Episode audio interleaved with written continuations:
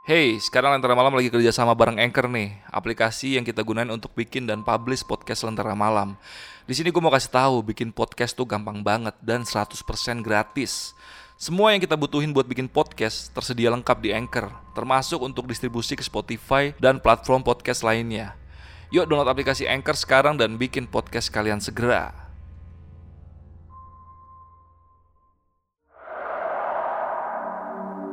Assalamualaikum warahmatullahi wabarakatuh. Selamat malam teman-teman. Balik lagi di Lentera Malam bareng gue Adit Dan sekarang kita lagi ada di segmen Saksi Misteri. Di sebelah gue udah ada narasumber yang ingin bercerita tentang pengalaman mistisnya Ketika dia masuk ke salah satu desa Yang ada di daerah Jawa Barat. Dan banyak hal di luar nalar yang dialamin Dan benar-benar gak bisa dia lupain sampai detik ini. Kita kenal dulu sama narasumbernya Boni. Bon, Oke, apa kabar Bon? baik Bang, alhamdulillah sehat. Ini lu masuk desa yang di, bisa dibilang ya desanya desa desa kayak desa keramat gitu ya. Iya, Desa Keramat Bang itu jauh dari peradaban, Bang. Ini kejadiannya tahun berapa, Bon? 2017 akhir, Bang. 2017. Mm-mm. Dan desanya ini ada di daerah Jawa Barat ya. Jawa Barat, Bang. Nanti buat kalian tebak-tebak aja karena di sini Boni nggak bisa Iya. share eh, lokasinya Iya. karena cukup sensitif ya. Iya, dan semua nama disamarkan, Bang. Iya, betul. Ini semua nama yang ada di sini disamarkan ya demi kebaikan Boni juga. Iya. Nah, ini yang yang bikin efek nih ada salah satu kayak tradisi yang nggak boleh dilanggar di desa itu ya, Boni. Iya, ada beberapa. Kalau malam Jumat nggak boleh ada orang yang keluar rumah Itu, Bang. di atas jam 10 malam sampai Subuh, Subuh. menjelang subuh gitu. dan lu sebagai anak muda sempat melanggar itu ya. Eh, gue melanggar itu juga bukan karena sengaja, Bang. Iya, iya. Iya, karena sesuatu. Jadi Iya. karena terpaksa lah. Terpaksa lah. Iya. Dan terpaksanya kenapa nanti kalian lihat di cerita aja. Karena ini adalah bagian klimaks dari ceritanya si Boni ini. Iya.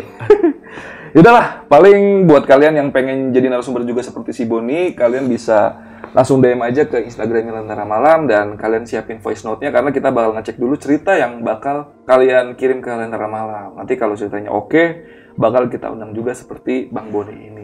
Dan sebelum masuk ke ceritanya, gue mau infoin dulu nih, kalau kalian perhatiin belakangan ini, gue sama Jamal sering megang bantal ini nih, bantal custom dari Mars Pillow. Kalian bisa mampir aja ke Instagramnya di bantal custom Jogja. Nanti linknya gue taruh di deskripsi atau gue tampilin di sini. Yaudah, Bon, udah siap untuk cerita, Bon? Siap banget, Bang. Oke, sebelum kalian dengar ceritanya, kalian tonton dulu yang satu ini.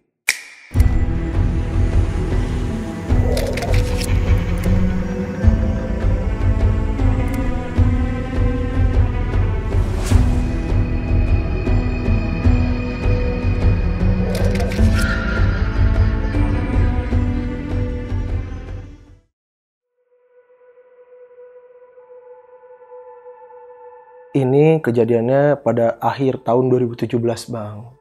Nah, awalnya itu gua sama kedua teman gue ini niatnya mau berkunjung ke salah satu rumah teman kita juga.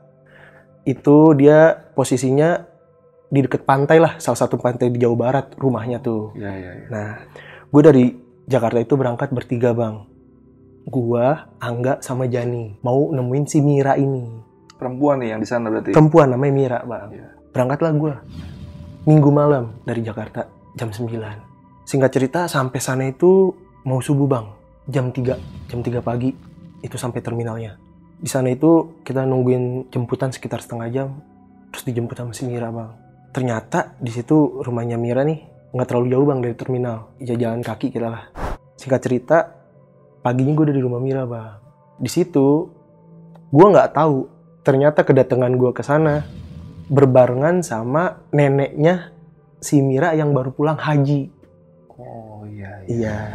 Jadi kan biasanya kalau orang pulang haji tuh Rame. setelahnya mau mengadakan selamatan gitu lah Iya, bang. iya. Iya. Nah selamatannya itu Hamin satu bang, hari Selasanya. Hmm. Jadi udah dipastikan besoknya pasti rame di rumah itu.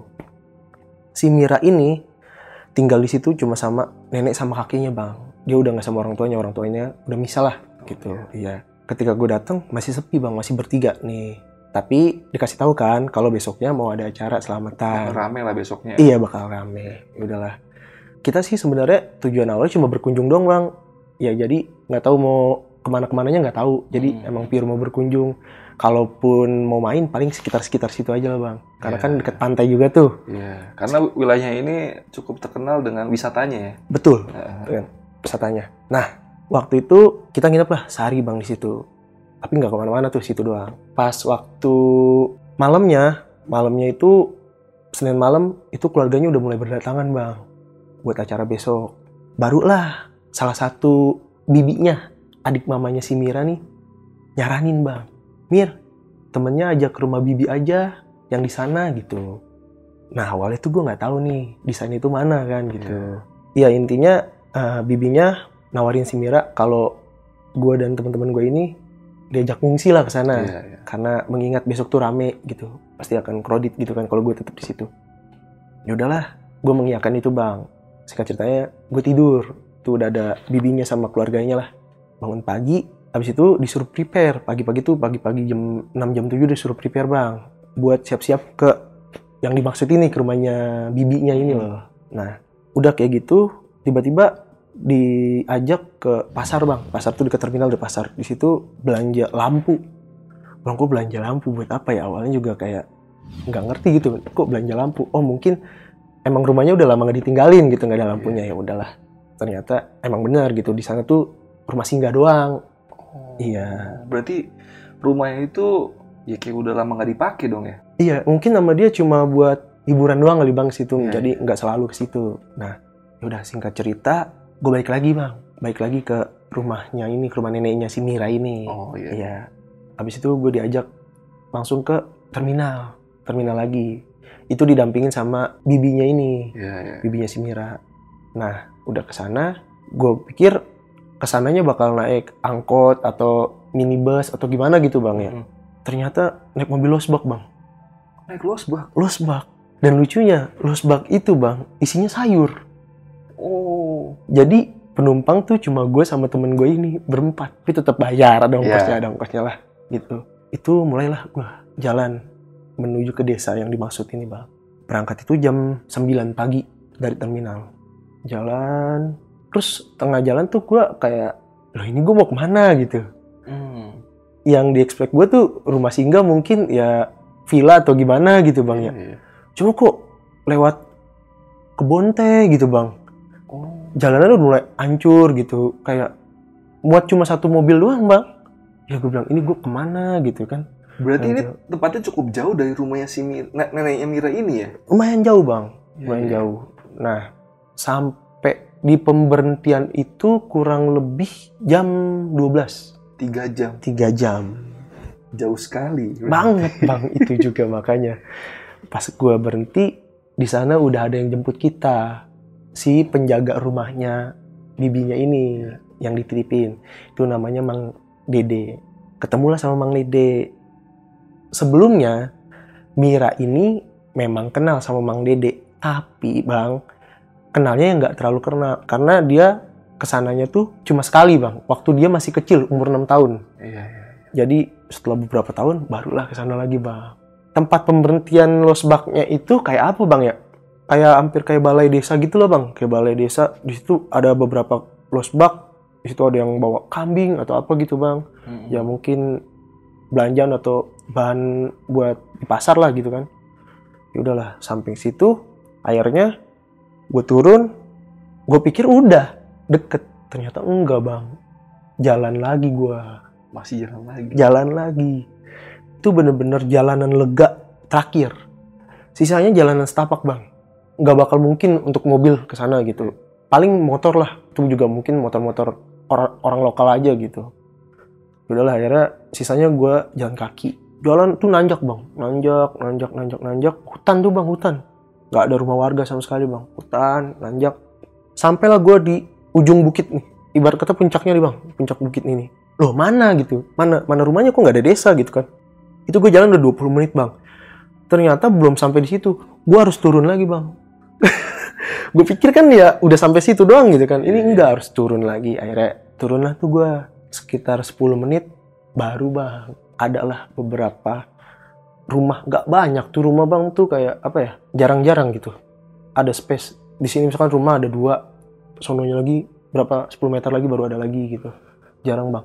Dan kebanyakan rumahnya itu masih bilik sama rumah panggung bang. Hmm, iya.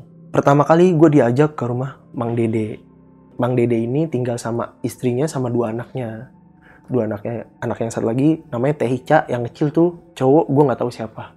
Teh Ica itu umurnya kisaran dua atau tiga tahun di atas gue lah gitu. Kenalan sama keluarganya Mang Dede di situ. Kita diajak makan siang juga di situ bang. Terus gue nanya dong ya kan. Mang kita nginepnya di sini gitu. Enggak.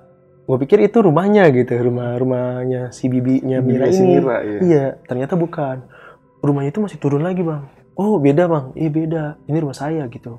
Waktu itu makan kurang lebih tuh jam satu lah, jam satuan, Bang. Di situ jam satu nyampe jam berapa itu? Jam 2-an situ kita ngobrol, hujan deras yang memaksa kita untuk tetap stay dulu di situ. Hujan itu baru reda sekitar jam 4 lewat lah, Bang. Barulah kita dianterin nih, Bang, ke rumahnya ini, rumah bibinya nih itu lebih banyak hutan gitu kan bang hutan rumah orang tuh jarang gitu paling banyak kebun-kebun doang gitu kan. Barulah sekitar gue jalan 5 menitan lah itu rumahnya udah kelihatan.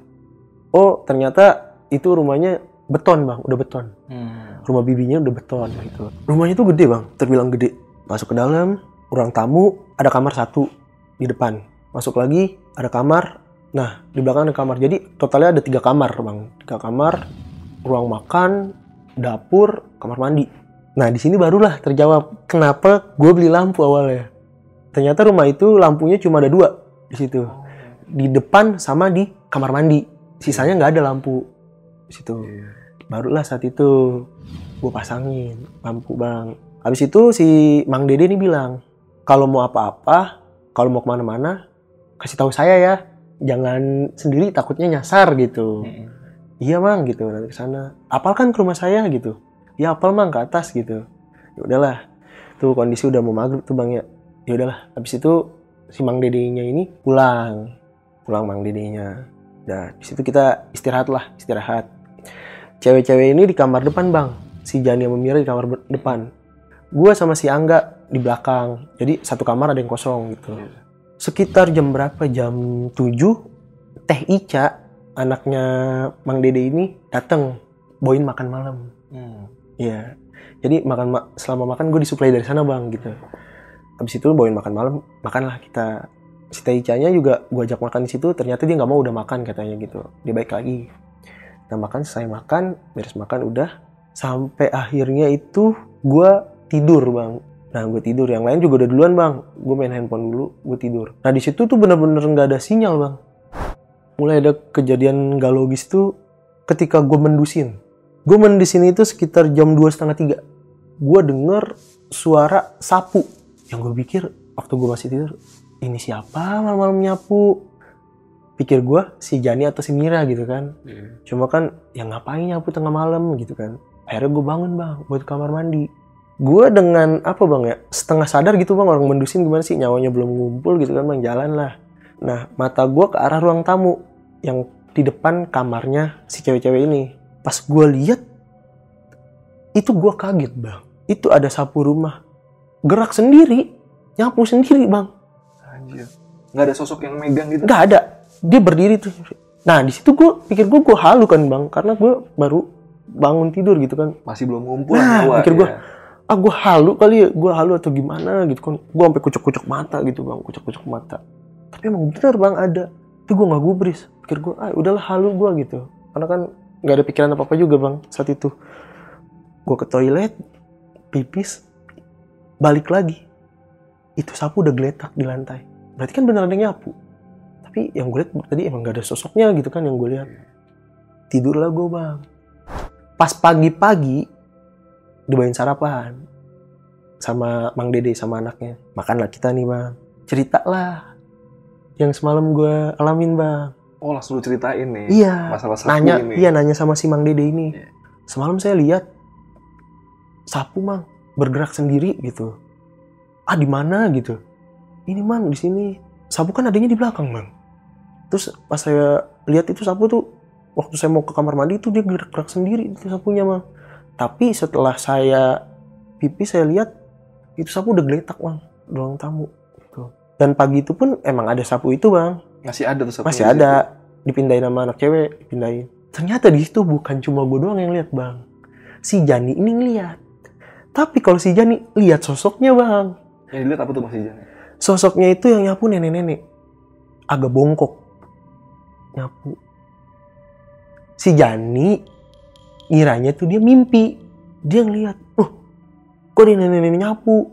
Saking takutnya dia ya udah tidur lagi gitu tapi ternyata ceritanya relate sama gua nih ya kan? Iya, iya, iya. ternyata gue juga lihat gitu. Tapi kalau gua kan gak ada sosoknya. Kalau dia lihat sosoknya nenek-nenek bang. Itu kejadian jam berapa tuh si itu? kalau si Jani itu gua nggak tahu bang. Kalau gue pribadi kan jam dua setengah tigaan itu Karena dia nganggapnya juga masih kayak mimpi iya ya. itu. Mungkin dia kebangun doang gitu mau Iya. keluar gitu. Udahlah sampai situ gue ini apa namanya ngobrol-ngobrol nyantai. Itu intinya ditepis lah sama si Mang Dede tuh.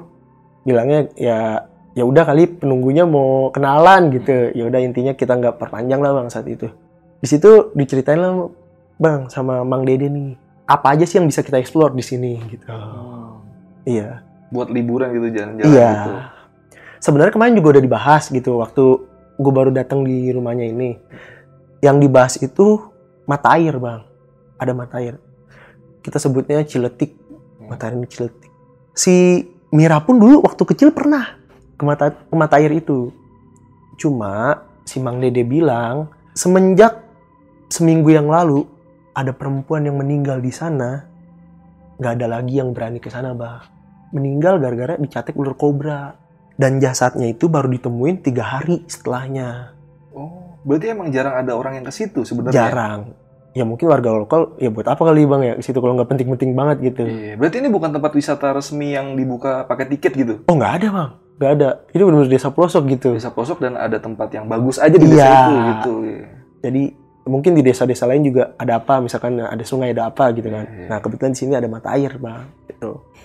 Nah setelah itu si Mang Dede ini kan cerita kan kalau seminggu yang lalu ada yang meninggal terus abis itu udah nggak ada lagi warga yang berani ke sana. Nggak tahu nggak berani nggak tahu apa kali bang ya. Setelah itu Mang Dede balik lagi ke rumahnya.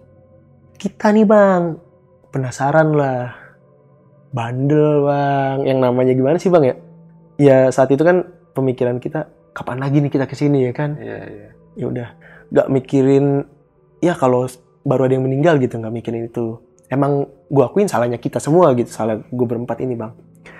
Kita maksain buat tetap ke sana. Ke mata air itu. iya ke mata air. Tanpa sepengetahuan keluarganya Mang Dede dan Mang Dede sendiri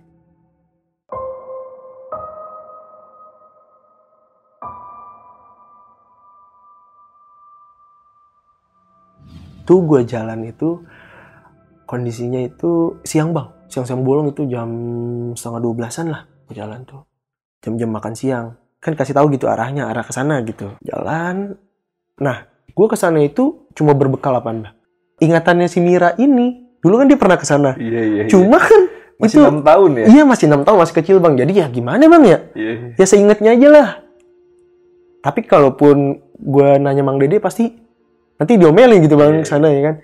Ya intinya kita orang nggak mau ngapa-ngapain cuma pengen tahu doang gitu. Katanya tuh bagus bang airnya tuh biru gitu. Penasaran aja iya penasaran gitu. Ya udahlah akhirnya kita jalan bang. Si Mira bilang lo sini bener gak lo sini? Bener gitu lo sini. Lo sini. Udah masuk hutan bang hutan hutan. Memang nggak ada jalan bang. Nggak ada jalan setapak nggak ada. Emang kita nerobos gitu. Nerobos nerobos tanaman-tanaman gitu.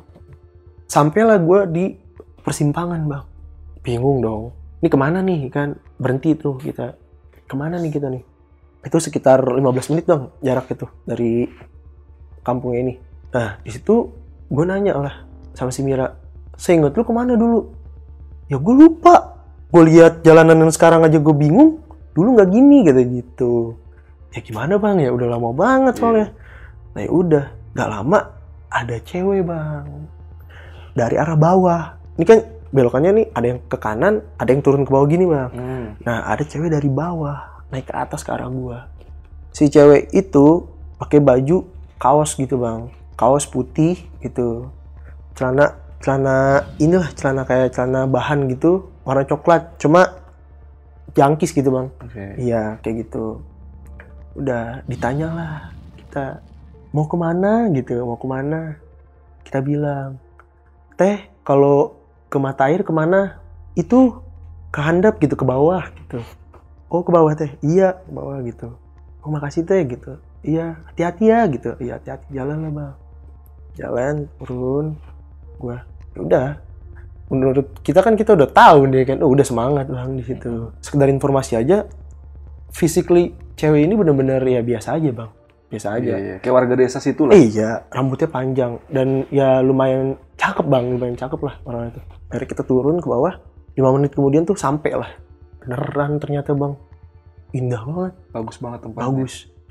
Jadi itu bener-bener kayak apa bang ya? Kayak yang gue lihat tuh kayak hampir danau. Kalau danau itu kan gede bang. Dia tuh nggak gede lah seukuran kolam renang gitu bang. Cuma memang bener-bener yang alami. Nggak ada bangunan-bangunan apa nggak ada bang. Alami. Dan itu biru gitu bang nah di situ kita nggak boleh mandi bang. Nggak boleh mandi. Bisa mandi tapi rada ke bawah. Jadi dibuat gitu sama warga sekitar itu kayak alirannya gitu aliran air gitu kayak semacam selokan gitu tapi dari tanah sama batu. Kayak parit lah gitu bang agak gede. Nah itu baru bisa mandi di situ. Airnya ngalir dari mata air ini. Jadi kita agak turun dikit. Main air lah kita di situ bang. Berarti kalau mata air utamanya memang nggak boleh untuk diberenangin gitu. nggak boleh ya mungkin itu salah satu sumber air bersih warga kali kita nggak Iya. ngerti juga ya bang ya. Pas lu sampai di mata air ada orang lain nggak? nggak ada Kosong. sunyi banget cuma ada ya udah suara-suara hewan hutan aja gitu iya Hey, sekarang Lentera Malam lagi kerja sama bareng Anchor nih, aplikasi yang kita gunain untuk bikin dan publish podcast Lentera Malam. Di sini gue mau kasih tahu, bikin podcast tuh gampang banget dan 100% gratis. Semua yang kita butuhin buat bikin podcast tersedia lengkap di Anchor, termasuk untuk distribusi ke Spotify dan platform podcast lainnya. Yuk download aplikasi Anchor sekarang dan bikin podcast kalian segera. pas gue sampai situ ya udah. Kita kan kepo nih bang yang namanya ngeliat air ya kan? Pengen pengen berenang tadi gitu. Cuma kan nggak karena nggak boleh mandi. Ya udahlah kita ke arah parit ini. Parit itu juga lumayan gede kok bang. Kayak selokan gede gitu. Ya udah kita itu berendam berendam di situ mandi mandi kan. Nah itu gue kurang lebih satu jam lah bang. Satu jam. Udah mau jam satu si teteh yang tadi ketemu sama gue di atas yang ngasih tahu jalan turun. Itu si teteh yang tadi gitu. Si teteh yang tadi iya. Dia ngeliat gue bang. Ngeliat gue gue pada berendam dia ngeliat gue cuma nggak nyapa. Nggak nyapa. Sampailah dia di mata air. Jadi posisinya kan di atasan dia. Gue di bawah sini. Nah di sini tuh dia senyum ke kita. Yang gue heran si teteh ini berenang Nyebur ke air. nyebur. Loh gue bilang sama si Mira Mir itu dia boleh berenang Mir. Jangan dari dulu emang gak boleh berenang udah jangan diikutin mungkin warga lokal ya kan. Ya udahlah kita mah cuma ngeliatin aja bang. Bener dia berenang bang. Bener lah ya kayak orang berenang mandi mandi gitu bang. Selesailah kita bang selesai berendam. Itu ada dia di situ lagi berenang. Nah itu nah gue nyapa teteh itu lah bang. Teh duluan ya teh ke atas gitu makasih teh udah dikasih tahu gitu. Dia cuma senyum doang bang. Udah kita naik lah bang ke atas. Naik ke atas sampai lah kita di rumah singgah tadi kan rumah singgahnya ini rumah si bibinya Mira di situ. Nggak lama si Mang Dede dateng. Iya Mang Dede dateng gitu bang. Nanya bis pada dari mana? gitu bis pada dari mana? Kok basah gitu. Kita cerita lah bang. Ngaku nih. Nah aku habis dari mata air. Loh ke mata air? Kok nggak bilang mamang? gitu ya kan? Emang tahu jalannya? Tahu mang ini buktinya kita wis berendam di sana gitu. Oh tahu jalannya iya. Soalnya jalannya susah gitu. Pasti kalau bukan orang lokal susah namanya gitu. Emang ada yang ngasih tahu atau nanya-nanya ke warga? Nggak ketemu si nggak ketemu warga sih mang. Cuma ketemu sama tete-tete tadi di sana di persimpangan sana gitu. Tete-tete perempuan? Iya perempuan gitu. Ada ada ada perempuan di sana gitu ada setahu mamang udah nggak udah nggak ada yang berani gitu se- semenjak seminggu lalu ada yang meninggal gitu. Nah buktinya ada gitu. Kita bilang kan buktinya ada mang gitu kan. Itu kita ke mata air itu sampai karena dikasih tahu gitu arahnya. Barulah ditanya sama mamang perempuannya kayak gimana? Gitu. Sebutin nama kita kita ciri-cirinya. Rambutnya panjang pakai kaos putih celana coklat gitu kan gini-gini terus eh, ketika kita kita udah sebutin tuh kita sebutin ciri-cirinya langsung lah dibilang si mamang itu masih ini gitu si mang dede nyebutin nama lah kita Hmm. tanya siapa mang gitu kan siapa itu yang udah meninggal kemarin gitu seminggu yang lalu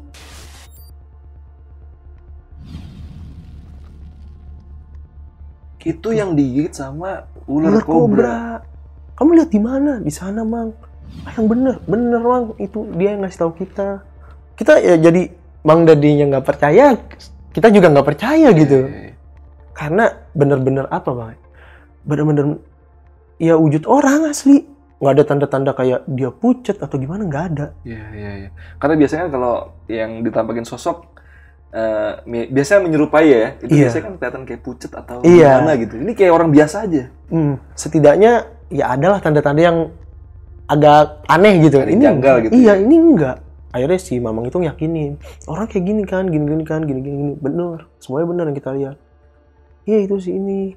Langsung panik kita semua. Si Mamang sih gak ngomelin, cuma Iya, kayak iya, iya. gimana ya kita langsung ya kita ya berasa sendiri gitu kayak ngerasa kualat gitu ngerasa kuat udah dibilangin kalau ke mana-mana minta temenin si Mamang ini enggak gitu kan Ya mungkin janggalnya ketika si teteh itu turun lagi ke bawah kali itu. Iya. Itu gerak-geriknya agak janggal tuh dibanding yang pertama tadi. Iya. Itu karena dia juga disapa pun diem doang, cuma Iya. senyum doang. Senyum doang. Dan itu berenang.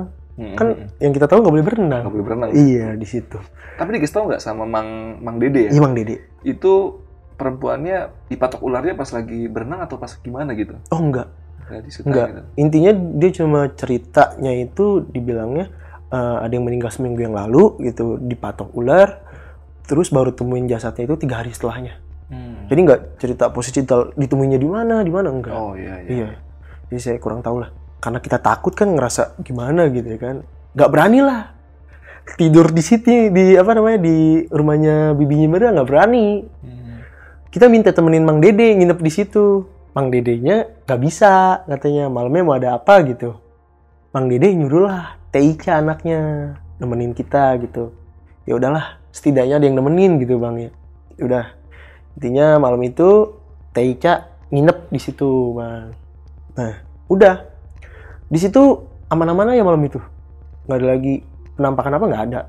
Aman di situ sampai besok paginya masuk ke hari Kamis. Di sinilah bang awal mula yang aneh-aneh itu terjadi bang gitu.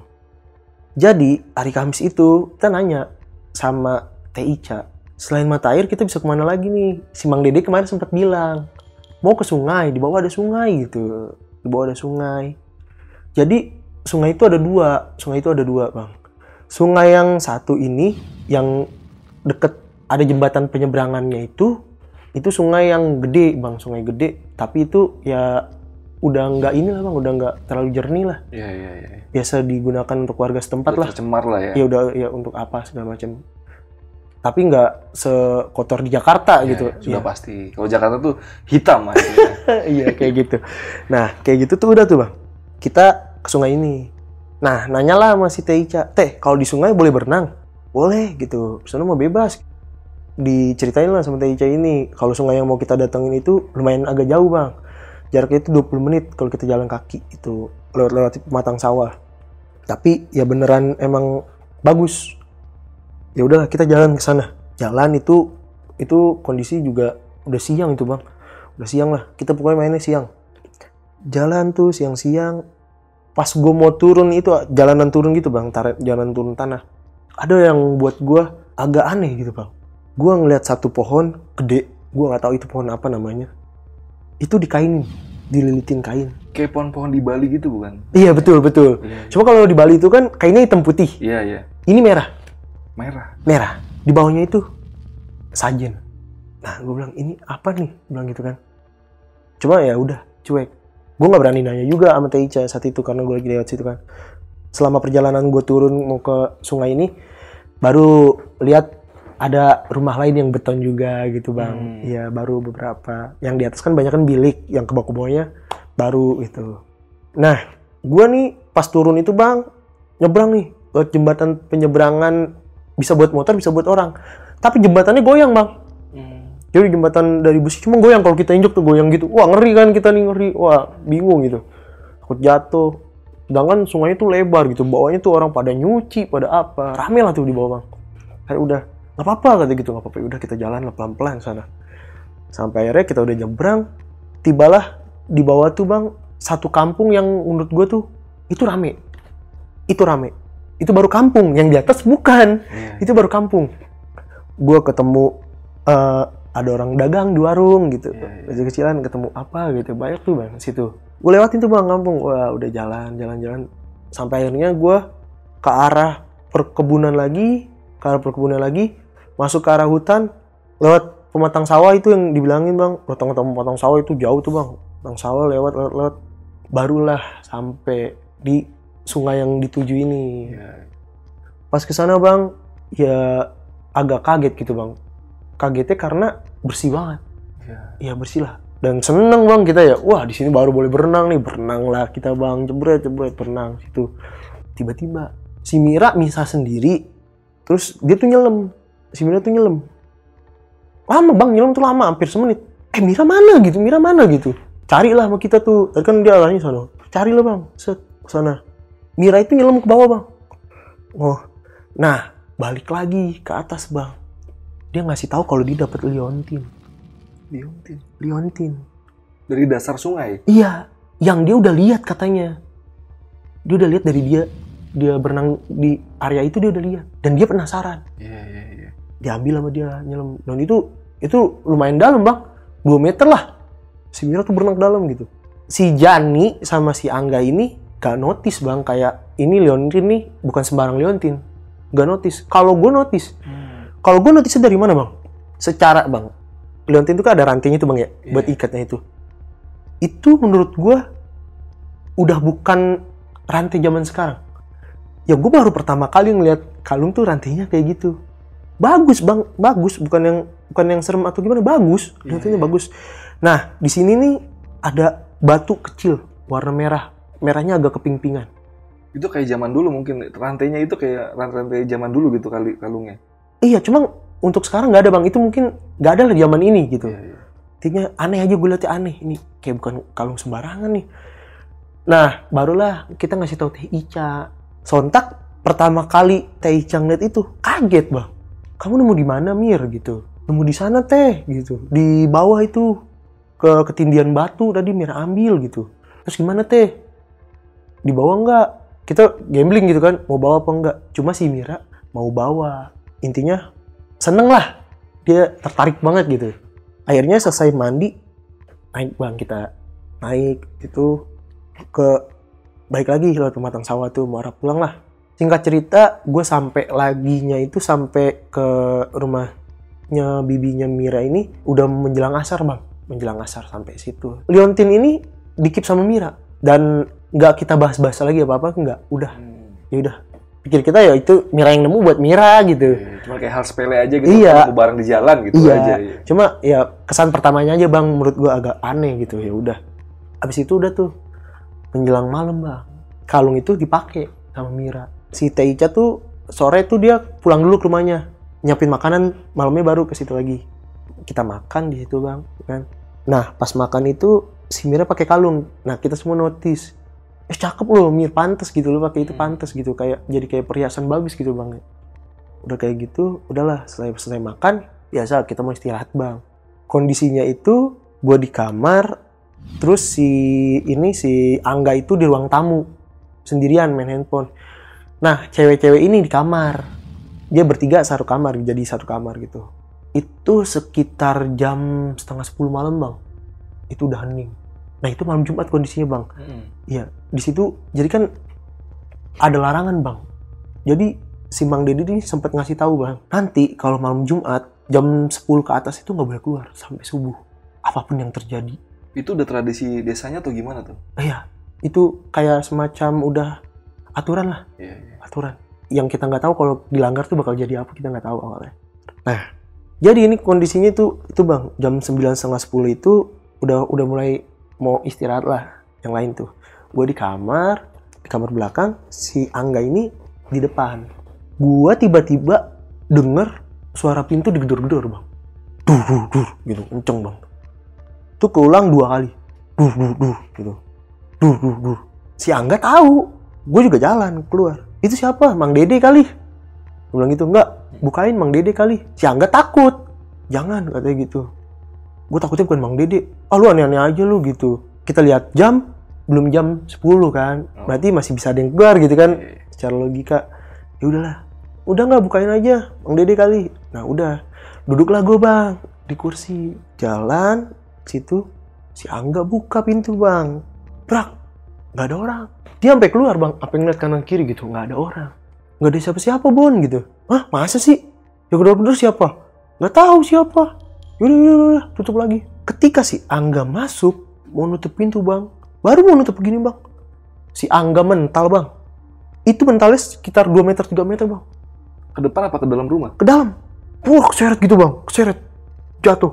Gua kaget dong bang. Nah pin- pintu itu belum belum sempat ditutup bang. Jadi ketika dia mau tutup kayak mental gitu tuh dan gue lihat bang. Angga mental itu gue lihat. Jadi kayak orang ditendang gitu bang. Tendang kenceng jebret gitu mental gitu bang. Nah gue langsung sontak kan. Langsung refleks. Lah, weh kak lu kenapa? Gitu kan. Pas bangun muntah darah bang. Gila. batuk gitu. Oh, oh gue nggak tahu kenapa gitu. Darah. Gue panggil anak cewek. Eh tolong tolong nih si Angga si Angga tolongin. Keluar anak cewek. Nah udahlah. Angga kenapa? Ini Angga buka pintu tadi. Pas mau tutup lagi kayak gini. Nah udah tuh. Dan lucunya lagi bang. Ternyata anak cewek itu bertiga nggak ada yang denger bang ada yang ketok-ketok Nggak dengar gedoran itu. iya padahal kamar mereka tuh ya deket ruang tamu Dan kenceng banget bunyi. Iya, Gua ya gue di ya. belakang Iya, kedengeran iya. bang. Kan lucu ya. Gue bilang, wah nggak beres nih. Tapi udah, akhirnya kan kita kasih minum tuh, udah bang. Nggak banyak tuh darah, cuma sedikit doang lah di tangan gini. Udah akhirnya kita duduk. Yuk kita ngumpul nih bang. Kita ngumpul di ruang tamu nih. Itu udah kita tutup. Kita ngumpul di ruang tamu nih berlima. Di situ si Angga bilang, gue kok aneh ya. Gue kayak didorong angin, cuma tuh anginnya kenceng banget kata dia gitu. Tapi padahal gue keluar tadi ngeliat nggak ada apa-apa.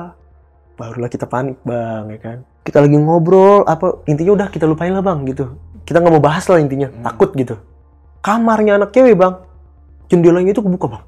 Gubrak gubrak gubrak gitu bang. Kebuka. Padahal udah dikunci. Tapi bisa kebuka. Kita pada panik dong. Wih tuh jendela kenapa tuh begitu kan nggak ada yang berani akhirnya gue lah beranikan diri gitu bang. Ya gue inisiatif lah. Mm-mm. gue tutup nih bang. Gue pegang lah. Pas gue datang tuh udah udah berhenti tuh bang. Mm-mm. Iya jendela itu berhenti kebuka gini. Nah pas gue mau tutup gue aneh. Nggak ada angin bang di luar. Oh, kondisinya lagi nggak ada angin nggak ada lah. angin nggak ada. Iya. burak gitu kan balik lagi burak gitu. Ini berulang kali burak burak burak gitu. Akhirnya kita tutup bang. Gue tutup nih jebret. Udah tutup balik lagi gue ke ruang tamu. Panik kan nih panik kan. Terus gimana nih? Anak-anak yang lain bilang panggil Mang Dede aja. Cuma si Teja bilang kalau bapaknya udah tidur jam segitu biasanya udah jam 9 juga udah tidur bapaknya tuh. Ya kan gak enak juga bang ya. Kondisi juga itu udah mau jam 10 Iya. kan nggak boleh keluar gitu ya udah. Tiba-tiba bang ya itu udah udah udah lumayan lama bang. Sekitar jam setengah dua belasan lah bang. Dari luar bang.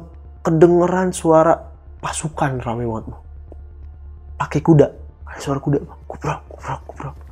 Nah Meja ngomong kenapa nggak boleh keluar? Nih kalian dengerin. Berarti udah warga situ udah sering ngedengar suara itu mungkin iya ya. mungkin bang. Itu tuh kayak suara pasukan gitu bang. Terus juga ada beberapa suara kuda gitu. Hehehe gitu kuda melengking gitu bang ya suaranya. Waduh serem banget. Ah enggak sama gue juga penasaran bang. Apa sih? Lihat yuk lihat yuk dari jendela. Kata Teja jangan dilihat nggak boleh Oh, emang dilarang juga buat ngeliat keluar. iya bisa-bisa nanti sakit atau kenapa lah gitu bang Sawan mungkin. Iya. biasanya. terus juga kadang kalau kita lihat di luar nggak ada apa-apa bang cuma suara aja gitu. terus suara itu lama bang lama bang kayak gimana ya mereka kayak beraktivitas lah bang di luar sekitar daerah itu tuh bang Hmm.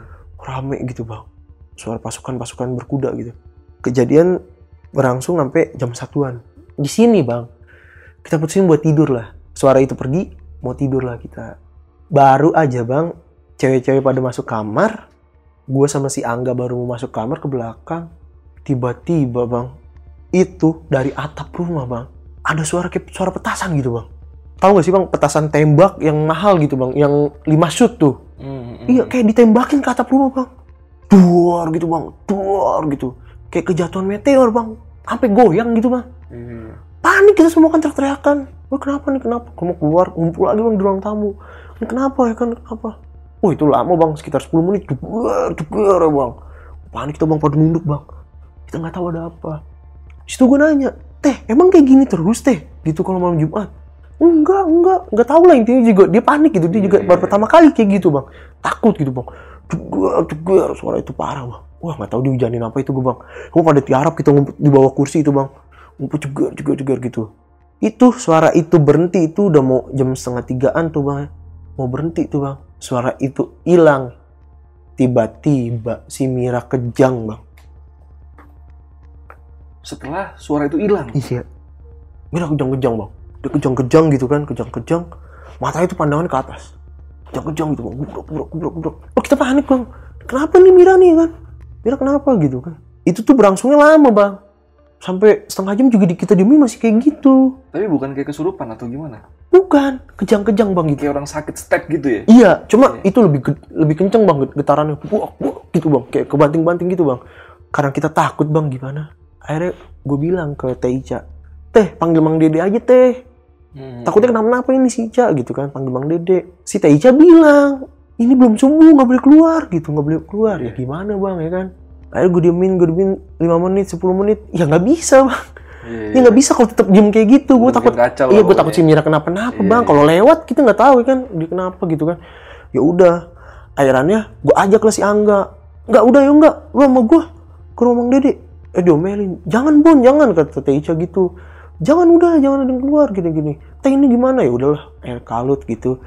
Terus Teh Ica bilang gini, ya udah kalau mau manggil manggil Mang Dede panggil gitu. Panggil tapi cowok satu ada yang di sini gitu. Jangan cewek semua di sini gitu.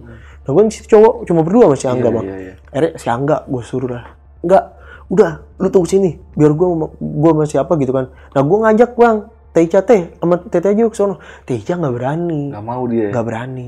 Bener-bener nggak berani ngelanggar kali dia bang aturan itu. Akhirnya Jani. Jan, berani nggak? Udah yuk berani berani ayo. Takut si Mira kenapa-napa gitu kan. Hmm, Ya udah lah. Akhirnya gue keluar bang. Gue keluar lari. Sumpah bang. di episode berikutnya.